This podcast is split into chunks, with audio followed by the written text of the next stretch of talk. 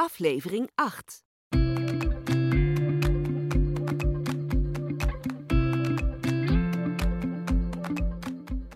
Dit is een podcast van Advocaten, Familie en Erfrecht met Inge Diepman en Joost Dix. Goeiedag en hartelijk welkom bij de Erfrecht Advocaten. een serie waarin we de meest gestelde vragen behandelen over zaken rondom de erfenis. Met meester Joost Dix. Hij is specialist op het gebied van familie- en erfrecht. Partner bij Advocaten Familie en Erfrecht in Eindhoven. En hij zit hier bij mij in deze gezellige studio in Hoorn. Dag Joost. Dag Inge. Hi. Deze aflevering staat in teken van het verdelen van de nalatenschap. Is dat de allerlaatste stap ja, en misschien ook wel de leukste? Nou ja, voor de erfgenamen denk ik wel. Want dan weet je, nu gaan we de laatste gaan verdelen. Het is gebeurd. Eh, dus dat is de laatste stap in het, in het proces. Ja, maar zeker. daar is het laatste woord nog niet over gesproken. Hè? en er worden ook wel wat vragen over gesteld. Dat is de meest gestelde vraag. Ja, de meest gestelde vraag eh, die, uh, die is: ja, moet iedereen het eigenlijk eens zijn met die verdeling? Hebben we iedereen daarbij nodig? Krijg je antwoord op in deze podcast.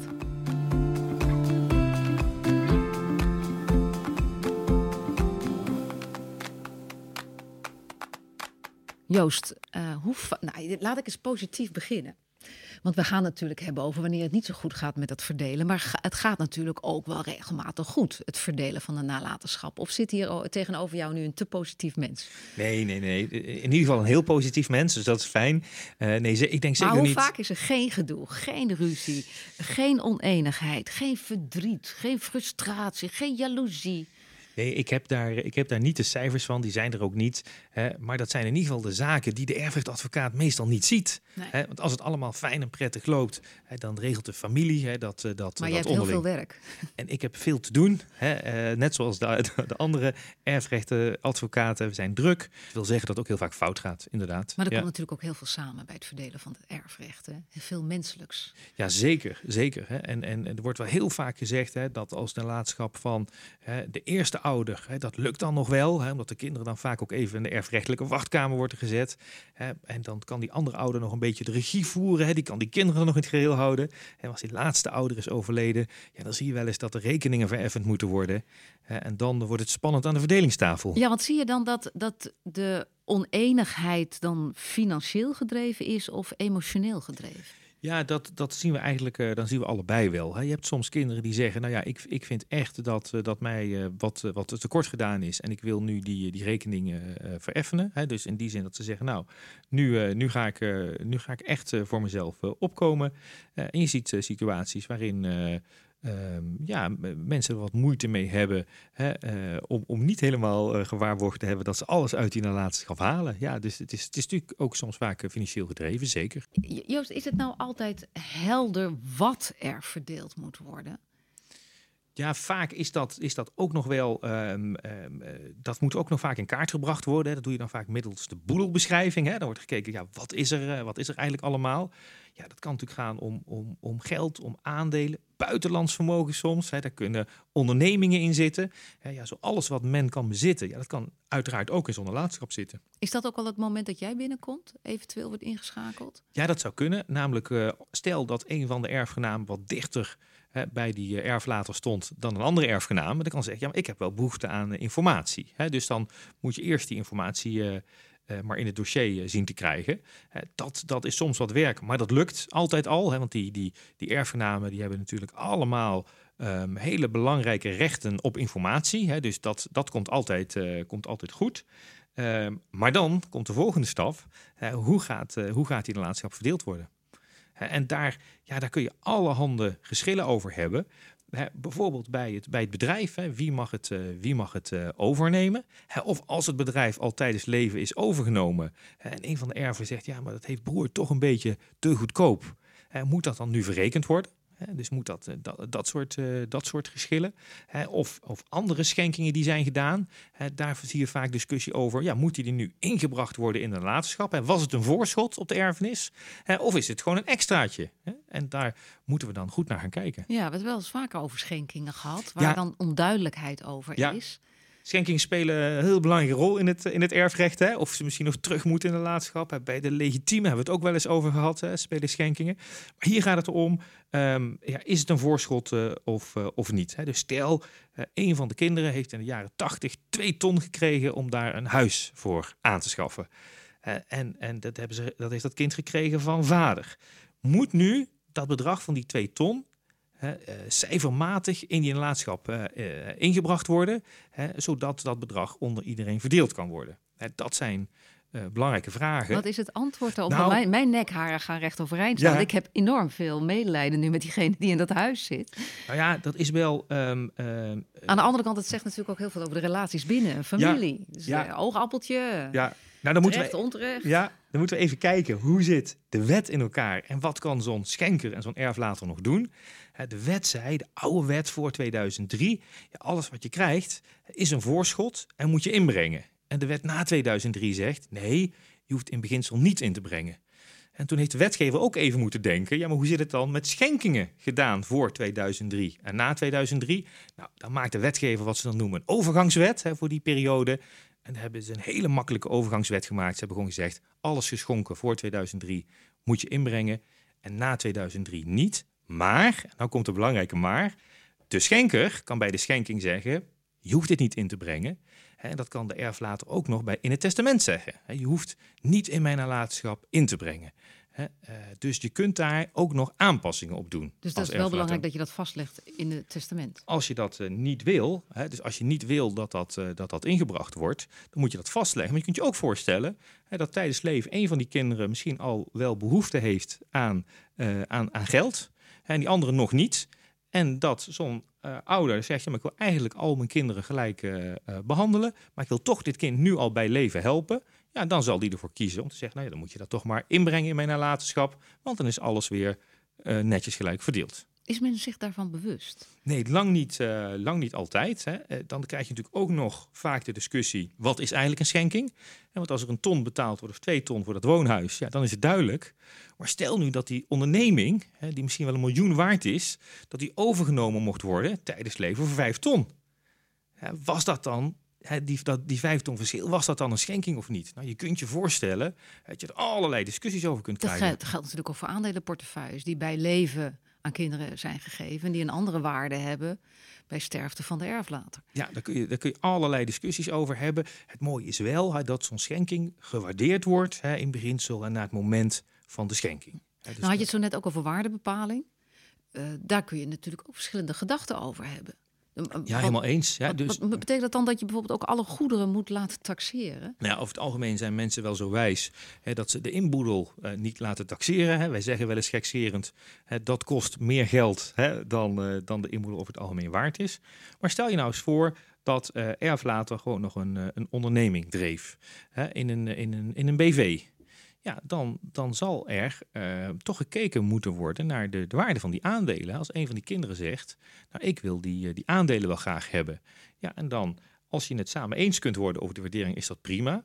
Maar als we bij een rechter terechtkomen, ja, dan zal die rechter ook een deskundige voor aanwijzen hè, die de waarde van die aandelen gaat uh, bepalen. En een vergelijkbare situatie uh, is het natuurlijk als er ongoed goed is. Ja, wanneer komt die rechter eraan te pas?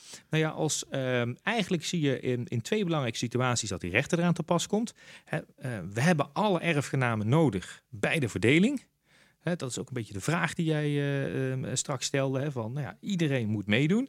Dat kan een erfgenaam zijn die gewoon niks laat weten. Ik doe helemaal niet mee met de verdeling. Ik heb ook geen, ben niet voor, ben niet tegen, maar ik doe niks. Ja, dan moet je naar de rechter en moet de rechter die verdeling vaststellen. Het is niet bij meerderheid van stemmen. Echt niet? Dus, dus je, hebt, je hebt er één, weet je, je hebt een gezin, een aantal uh, broers, uh, dochters. En er is er eentje die gewoon... Die niks doet. Ook, ja, ja. ook onredelijk dwars ligt. Ja, ja dus, dus nee, ook die dwarsligger heeft een kans in, uh, in de wet dus uh, nee, dan moet je naar de rechter. En als je het niet eens wordt over de wijze van verdeling. dus dat je het niet eens wordt over hoe er dan verdeeld moet worden. Ja, dan kom je ook bij die rechter terecht. En, en die, die, die rechter die geeft dan, eh, zoals jullie het noemen, ook een bevel tot verdeling? Ja, vaak in dat soort situaties is het zo dat de rechter de wijze van verdeling vaststelt. dus de rechter kan dan bijvoorbeeld zeggen, nou, u mag het huis hebben, maar dan moet u natuurlijk wel de rest uitkopen. Nou, dat soort hele praktische uitspraken zie je dan. En wat nu in het geval dat uh, blijkt uh, bij die verdeling dat een van de erf, erfgenamen dus al iets heeft verkocht? Kan dat? Komt dat voor? Ja, dat zie je in de praktijk eigenlijk ehm, ehm, niet voorkomen. Hm. Wat je wel ziet gebeuren, en, en, en dat is ook een enigszins vergelijkbare situatie, dat iemand iets, iets heeft verkocht, hè, ehm, maar wat hij achtergehouden heeft. Hè, dus dat, dat zie je. Hè, dus dat, dat hij dan bijvoorbeeld weet van, goh, ik weet nog van de bankrekening in Zwitserland, dat weet de rest niet. Hè, of van het huisje in Portugal weet ze allemaal niks vanaf. Eh, en ik, eh, ik meld dat niet. Dus ik, ehm, ik, ik, ik verzwijg dat gewoon. Dat zijn ook onderwerpen die aan de orde komen voor verdelingsprocedure. En de wet die heeft daar een sanctie op staan. Dus als jij bewust goederen die tot de nalatenschap behoren eh, achterhoudt, eh, verbergt, ja, dan krijg je straf. En dan zegt eh, de wet, ja, dan deel je niet meer mee in dat goed. Dus dan deel je niet meer mee in dat vakantiehuisje in Portugal. Dan deel je niet meer mee met die bankrekening in het buitenland. En als die ene eh, zus zo onredelijk is dat hij dwars ligt, waardoor je dus naar de rechter moet, eh, maar een huis hebt dat je heel goed kan verkopen van PMA, en je hebt daar een koper voor, moet je dan wachten met het verkopen van dat huis? Ja, er zijn natuurlijk situaties denkbaar, zoals jij die nu ook eh, beschrijft, waar je moet zeggen, nee, ik moet hier meer, ik meer haast hebben. Ik heb, ik heb een spoedeisend belang hè, om, ehm, ja, om, om een goed te gelden te maken. En dan zijn er inderdaad mogelijkheden dat je dan zegt, nee, dan gaan we naar de kortgedingrechter, hè, de voorzieningenrechter. Hè, en daar kunnen we dan vragen hè, om een machtiging te gelden maken als we een goede reden hebben dat we zeggen, we moeten nu actie ondernemen. Dat is een simpele procedure. Zo is het, ja. Ja, wat zijn nog meer de situaties waarin je verzeild kunt raken op het moment dat een van hen dus op zijn achterste benen gaat staan en zegt ik doe even niet mee, dus je moet die procedures in. Waar moet je dan op letten? Bijvoorbeeld, ik noemde dat huis, maar zijn er nog meer zaken waar je op moet letten? Nou ja, kijk, waar, die, ehm, waar een erfrechtadvocaat altijd goed naar zal kijken, is één natuurlijk, wie zijn de erfgenamen, welke keuze hebben ze gemaakt? Twee, wat is nou eigenlijk de omvang en samenstelling van de nalatenschap? Drie is, eh, moet daar nog wat aan hersteld worden, zoals bijvoorbeeld de inbreng? Hè, of is iemand misschien eh, stiekem wat achtergehouden? Hè, en Hoe weet je dat nou? ja, soms kom je erachter. Je zult er niet altijd achter komen. Maar ja, als een van de kinderen nog we- weet van... Goh, was er nog niet een bankrekening eh, daar? Of hadden we nog niet dat mooie schilderij? Ja, dan, dan weet je dat. Ja, en het sluitstuk is dan... je moet aan een rechter altijd aangeven wat je nou precies vordert. Dus dan vorder je de verdeling. Maar je zult die rechter ook nog wel vragen... om allerlei praktische uitvoeringshandelingen. Dus zo zit zo'n eh, zo'n processtuk dan... eh, Maar gaat het dan elkaar. zo in detail verder bij de rechter dat de rechter zegt ja, die vaas? Nee, dat zal de rechter eh, niet, niet, niet, eh, niet zo snel doen. Je ziet in de praktijk, hè, want er wordt dan, wordt dan wel gedacht bij de nalatenschapverdeling. Dan denken we, hè, we zijn de pot en de pan en de vaas. Schemalamp, hebben we het ook wel eens over gehad. Die zijn we aan het verdelen. Nee, dat, is, dat niveau zie je het meestal, eh, meestal niet. Hè, dat redden mensen wel. Hè, maar het zou inderdaad zo kunnen zijn hè, dat bij zo'n dagvaarding er een lijst zit van roerende zaken. Hè, waarbij meer mensen een kruisje hebben gezet over wat ze willen hebben. En dan zou het in het uiterste geval zo kunnen zijn dat de rechter daar ook een eh, beslissing over neemt. Alleen de verdelingsprocedure in de praktijk, daar ligt in ieder geval niet de nadruk. Even een heel menselijke vraag. Zie je families uit elkaar vallen door dit soort procedures?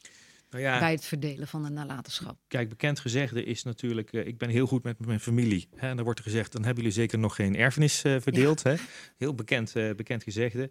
Ja, ik, ik weet dan niet of dan de aanleiding specifiek de verdeling van de nalatenschap is. Vaak zie je dan dat er toch al iets, iets, iets broeide, iets niet helemaal goed zat.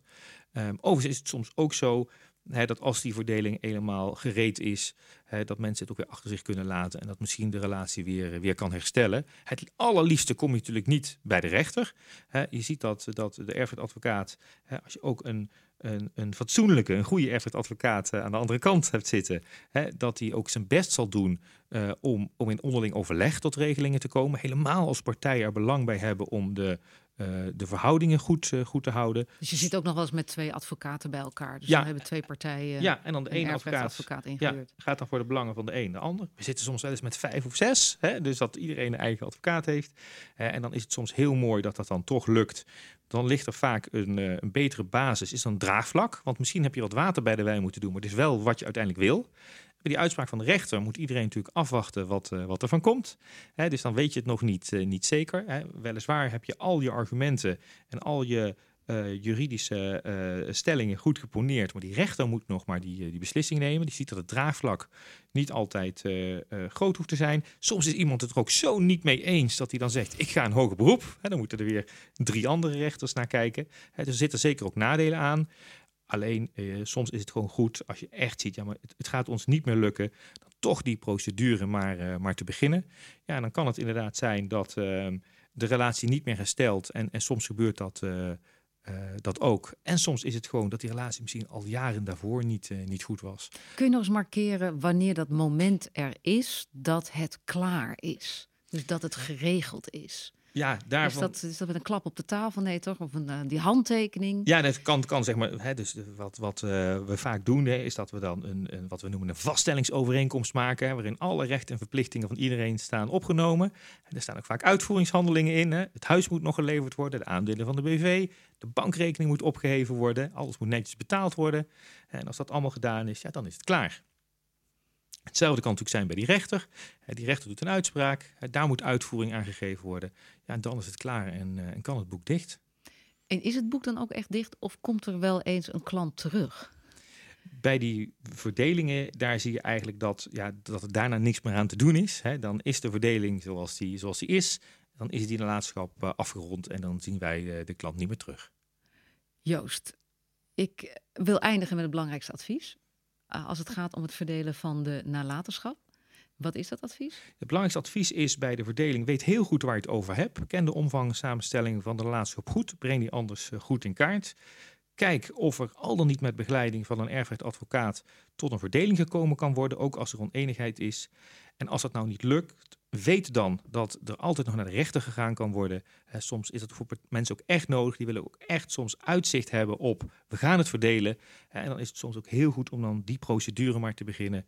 Doet de rechter de uitspraak en dan, eh, dan komt het goed. In die zin, er is nog nooit een nalatenschap uh, niet verdeeld. dus die verdeling komt er altijd. En de ene keer moet je er wat harder voor werken dan de andere keer. Wij hebben uh, een aantal podcasts samen opgenomen. Uh, we zijn begonnen met een uh, podcast die ging over jou en over jouw beroep. En ik geloof toen dat de meest gestelde vraag was: waarom doe je dit werk? Is het überhaupt leuk? Nou, ik kan je zeggen, ik heb ademloos naar je zitten luisteren. ook in al die andere podcasts. ongelooflijk leuk om deze. Het is een soort basiscursus eigenlijk, erfrecht. Zo zou je het kunnen zien. Ja, ja. ja. maar er zijn nog andere mogelijkheden hè, om uh, je te laven aan kennis. Er is een kennismagazine, erfenis kennismagazine. Ja, is een erfenismagazine. Um, dat is heel leuk. Je kunt dat uh, via onze website uh, familie-erfrecht benaderen. Ja, heel leuk, leuk magazine waar, we, waar mooie columns zijn opgenomen van een erfrechtadvocaat die iets wat vertelt over de praktijk. Maar waar, ook, waar je ook vragen kunt terugvinden, andere, andere informatie kunt vinden over de, over de erfenis. Het is best een leuk magazine om eens door te bladeren. Zeker. Je noemde al even die website. Die zal ik nog een keer herhalen. Familie-erfrecht.nl. Dat is de website van Advocaten Familie en Erfrecht.